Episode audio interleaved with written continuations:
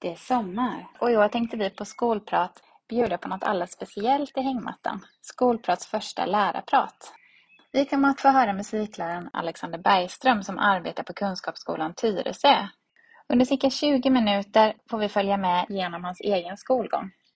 Han kommer bland annat att berätta hur han hittade sin drivkraft och vilka paralleller han drar mellan sina egna upplevelser och olika pedagogiska frågor. Musiken i avsnittet är skapad av Alexander Bergström själv. För manusbearbetning och redigering står Annika Jeppsson. Med detta önskar vi på Skolprat er en riktigt fin sommar. Trevlig lyssning!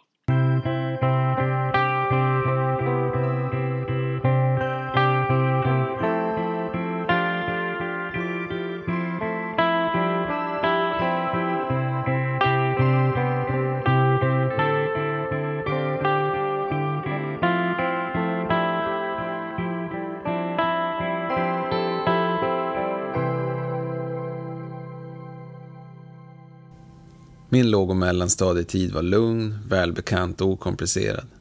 Så nära Bullerbyn man kan tänka sig. Men en dag förändrades allt.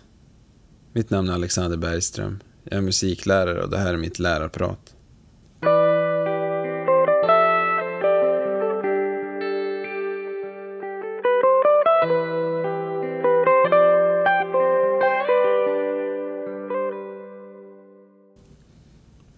Det jag minns tydligast av låg och mellanstadietiden är att den var trygg. Hilda, Ida, Nathanael, Torbjörn och jag, vi var årskurs 1984 på min låg och mellanstadieskola. Uppenbart blev här att skolan inte var speciellt stor. Ett 40-tal barn mellan åldrarna 6 till 12 spenderade sina dagar i de ljusa klassrummen i en gul träbyggnad. Ofta slogs årskurserna ihop det blev ett klassrum för lågstadiet och ett för mellanstadiet. Och i efterhand har jag funderat mycket kring det där. Hur det faktiskt måste ha varit att undervisa med den typen av förutsättningar. Min initiala tanke är att det säkert var en smula splittrat i och med det breda åldersspannet. Men att det samtidigt måste ha funnits andra fördelar. Särskilt om jag tänker på vad jag själv brinner för i min roll som lärare. Att anpassa undervisningen utifrån varje individ och få just den personen att utnyttja sin fulla potential. Det faktum att vi var fem barn i min årskurs var en viktig detalj som bidrog till att vi blev så sammansvetsade. Att säga att jag verkligen kände mina klasskompisar är ingen överdrift. Däremot var umgänget till största delen begränsat till skoldagen. Den enda som bodde i samma by som jag, bratten, var nämligen Ida. Men vi var ändå en hel del barn som hittade på saker utanför skoldagens ramar. I källaren hos den två år äldre pastorssonen fick jag vid något tillfälle vistas i samma rum som en elgitarr. Den stod där, lutad mot ena väggen, glänsande och vit. Och när jag andäktigt drog med handen över strängarna så lät det sådär grymt som musiken på mina kassettband gjorde. Det där ögonblicket, det slog an något i mig. Kanske skapades en liten gnista som låg där och pyrde i det undermedvetna för att en dag fatta eld, vad vet jag. Sammanfattningsvis kan man säga att min låg och mellanstadietid var trygg, lugn, välbekant och okomplicerad. Så nära Bullerbyn som man kan tänka sig, med realistiska mått såklart. Men en dag förändrades allt.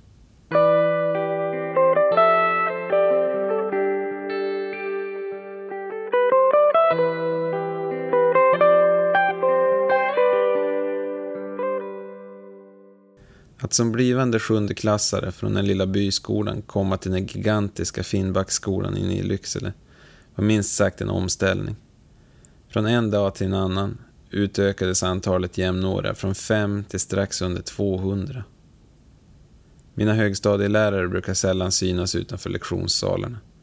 Klimatet i korridorer, uppehållsrum och trapphus var minst sagt tumultartat. Jag minns att jag kände mig utspädd på något sätt att inte hela jag kom fram.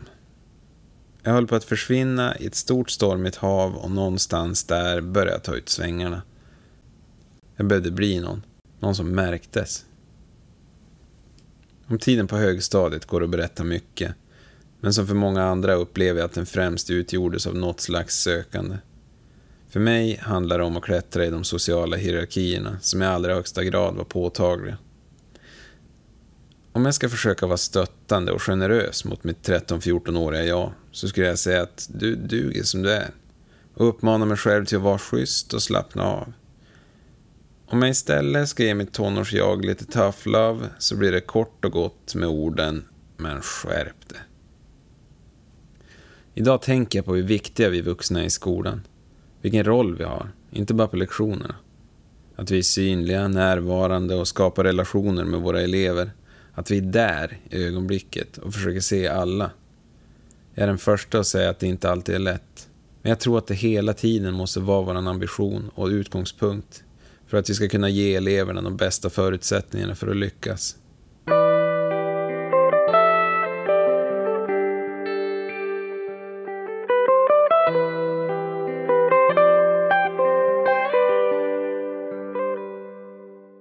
Det fanns faktiskt ett ställe på mitt högstadium dit det hårda klimatet inte riktigt nådde.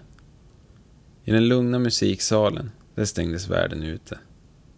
Så egentligen kan man tänka sig att den platsen borde ha lockat mig från allra första början, innan jag kom på villovägar. Men det där suget, efter att vistas bland alla instrument, det kom inte förrän i nian. På examensdagen i årskurs åtta fick jag nämligen en ingivelse. Jag skulle börja spela elgitarr. Anledningen, som jag inte kommunicerade till någon, den var enkel. Jag tänkte att det skulle göra mig mer poppis bland damerna. Jag ville bli någon. Vem denna någon var, det visste jag nog inte riktigt. Men jag anade att jag stod i startgroparna för något. Min farbror Staffan, som hade hört talas om mina nya ambitioner, lånade ut en elgitarr till mig. Och hela lovet, den där sommaren, så satt jag och tragglade fram och tillbaka på mitt pojkrum, när jag inte sommarjobbade förstås. Till slut så hade jag i alla fall tjänat ihop tillräckligt mycket pengar och kunde köpa det jag mest av allt ville ha i livet. Och när det var gjort, då flög jag högt ovan molnen i någon slags eufori. Den var mörkgrön, hade ett spetsigt huvud som pryddes av namnet Jackson. Jag hade skaffat en egen elgitarr. De initiala planerna på att uppnå någon slags Don Juan-status glömdes tämligen snabbt. Att försöka tämja det bångstyriga instrumentet var nämligen inte riktigt så enkelt som jag hade trott. Men det gjorde inget. Jag var helt och hållet fast. Mina akademiska ambitioner var väl inte särskilt utvecklade under högstadiet. Som jag tidigare snuddat vid så handlade skolan mest om andra saker. Och i de ämnen där jag hade svårigheter, antingen kunskapsmässigt eller i form av motivationsbrist, hade jag ingen vilja eller motor för att driva saker framåt. Att plugga inför prov eller läxförhör var inte något jag pratade högt om. Och antalet läxor jag tog hem under hela min högstadietid skulle nog lätt kunna räknas på tio fingrar. Man kan säga att jag vandrar på en väldigt smal stig. En smal och snårig stig som jag själv hade skapat utifrån hur jag ville uppfattas av andra. Smart, cool, obrydd och värst. Ja, den bilden var svår att kombinera med fritidsskolarbete. Här kan jag känna igen mycket i Fredrik Zimmermans forskning om killars antipluggkultur och det där med att varken vilja visa sig svag eller framstå som en plugghäst. För om jag ska försöka analysera mig själv utifrån min kompetens som lärare och det jag vet idag, så handlar det om just det. Jag var livrädd för att mina kompisar skulle se på mig som en svag, okunnig eller töntig person i ett klimat där andra saker var det som gav status. När jag idag träffar elever som jag märker har samma tendenser som jag hade, så tar jag min mentala tidsmaskin tillbaka till högstadiet och försöker bemöta dem som jag själv tror att jag hade velat bli bemött. Min erfarenhet är att jag som lärare har lättare att nå fram genom att prata med eleverna ur perspektivet att de faktiskt vill lyckas. Kanske kan man till och med ta upp sånt som inte har med skolarbetet att göra, utan att det blir för privat. Det kan låta självklart, men jag upplever att jag bäst bygger relation och får en fördel i min dialog om jag är intresserad. Inte bara av studieresultat, utan även av människan bakom. Egentligen kort och gott, jag visar att jag bryr mig.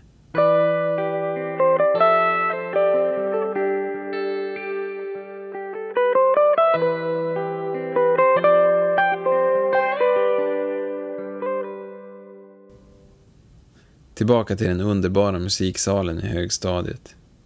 Vi hade musik i sjuan och en paus i åttan för att sen ta upp ämnet i nian igen. Jag hade upptäckt elgitarrens storhet under sommaren, köpt ett eget instrument och blivit totalt förälskad i allting som hade med gitarr att göra. Timingen för den gamla musikläraren att säga upp sig kunde inte ha varit bättre. I nian gjorde nu nya ansikten entré under musiklektionerna. Rickard, som för övrigt är min äldre bror, och Ulf var de som hängde kvar längst. Plötsligt fick vi spela tillsammans. Plötsligt fick vi vara med och bestämma. Plötsligt var musik kul. De förebildade, de lyssnade och de inspirerade. Till syvende och sist tror jag att framgångsreceptet handlade om att vi nu fick testa och utforska. Rickard och Ulf hade en varm och uppmuntrande attityd. Den fick oss att vilja uppföra oss och göra saker bra. Det där med förtroendekapital är helt enkelt en underbar sak. Någon gång i samma veva där på högstadiet uppmärksammades min nya så kallade identitet av ett par elever som hade ett band på skolan. De spelade black metal. Själv var jag inte alls bekant med musikstilen, men bara namnet fyllde mig med skräckblandad förtjusning. Jag började även ta gitarrlektioner för Ulf efter skoltid, vilket snabbt blev veckans höjdpunkt. Han var verkligen fantastisk, både som gitarrist och som pedagog.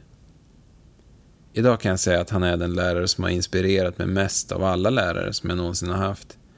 Både till att lära mig saker, men även att faktiskt göra läxorna. För plötsligt så gick det liksom av sig självt.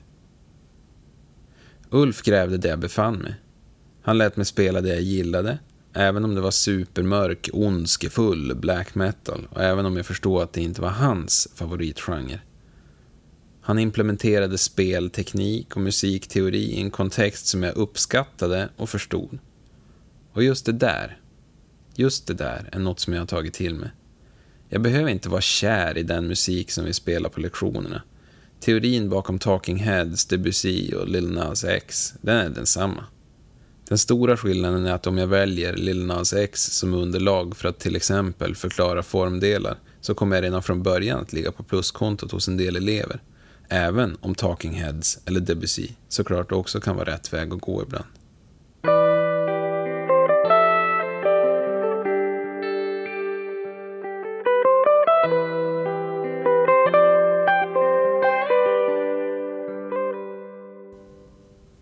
Någon gång under den här perioden i nian så kom jag så småningom i kontakt med grabbarna i det där black metal-bandet. Ni vet, bandet. Jag blev inbjuden till att börja repa med dem och så blev det. Från att ena dagen ha varit totalt riktningslös och vilse hade jag hittat min grej. Något som motiverade mig. Något som gav mig ett syfte, ett mål och som gjorde att jag ville ta mig framåt. Och inte i någon förnuftig promenadtakt. Det skulle helst gå i en rasande fart. Så vad var det egentligen som hade hänt där i nian i Lycksele? De som känner mig, de vet att jag är en nyfiken och undersökande person. Man kan till och med kalla mig rastlös. Det här personlighetsdraget det uppmärksammades av Ulf, som i lagom takt introducerar nya band, spelsätt och olika vis att närma sig gitarren. Jag sökte mig utanför de gränser som jag tidigare hade hållit mig inom. Instrumentalrock, blues, funk, fusion och pop var genrer som jag nu började uppskatta.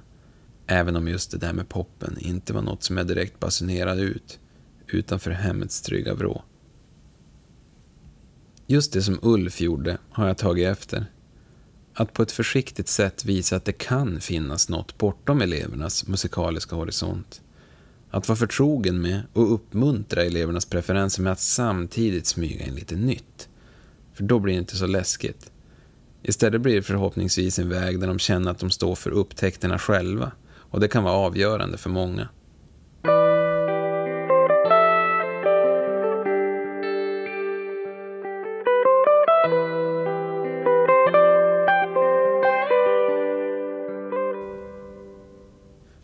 Gymnasievalet närmade sig.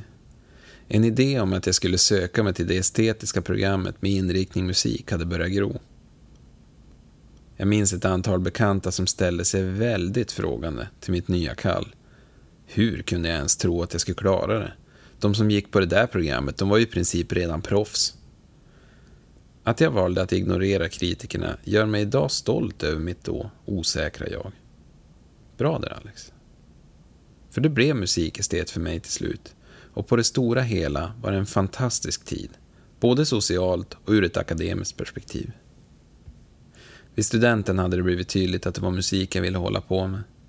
Jag gick ett år på folkhögskola och lyckades komma in på Musikhögskolans eftertraktade studiomusikerlinje. Högskoleperioden den var spännande och innebar bland annat en vända i Los Angeles och Nashville. Jag befann mig mitt i drömmen jag hade haft i flera år.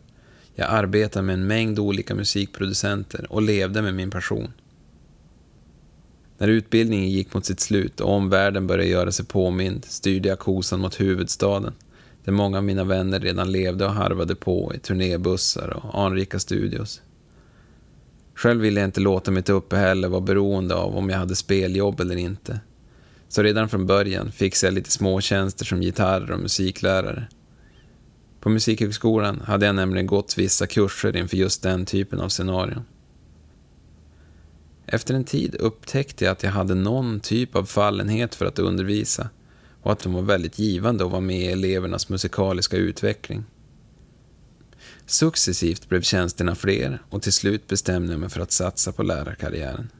Under den här perioden rörde jag mig bland annat från en privatägd skola i Djursholm till en kommunal skola i Vårberg, vilka är två diametralt olika områden rent socioekonomiskt och sociokulturellt. Förutom alla skillnader mellan de olika miljöerna så fann jag även många oanade likheter. Barns mående till exempel. För inte kopplat till hur mycket pengarna får i lönekuvertet varje månad. Skolan i Vårberg var min första hundraprocentiga lärartjänst och där fick jag också möjlighet att läsa in min lärarbehörighet på Stockholms universitet. Ett stort tack till Ann-Marie Taylor som trodde på min förmåga som pedagog och som person. Idag har jag arbetat många år som lärare, träffat många fantastiska elever och sett många individer blomma ut musikaliskt. Det är svårt att pinpointa de där specifika tillfällena när den pedagogiska lyckan är fullkomlig. Snarare ska jag säga att det för mig handlar om en känsla och en viss typ av situation.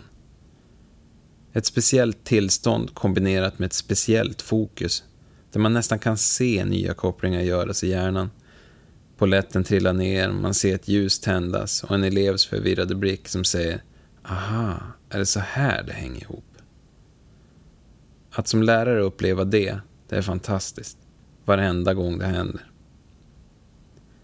Min egen skoltid gick från soliga Bullerbydagar till stormiga seglatser och vandringar på en smal skogsstig utan ambitioner. Men så hände något.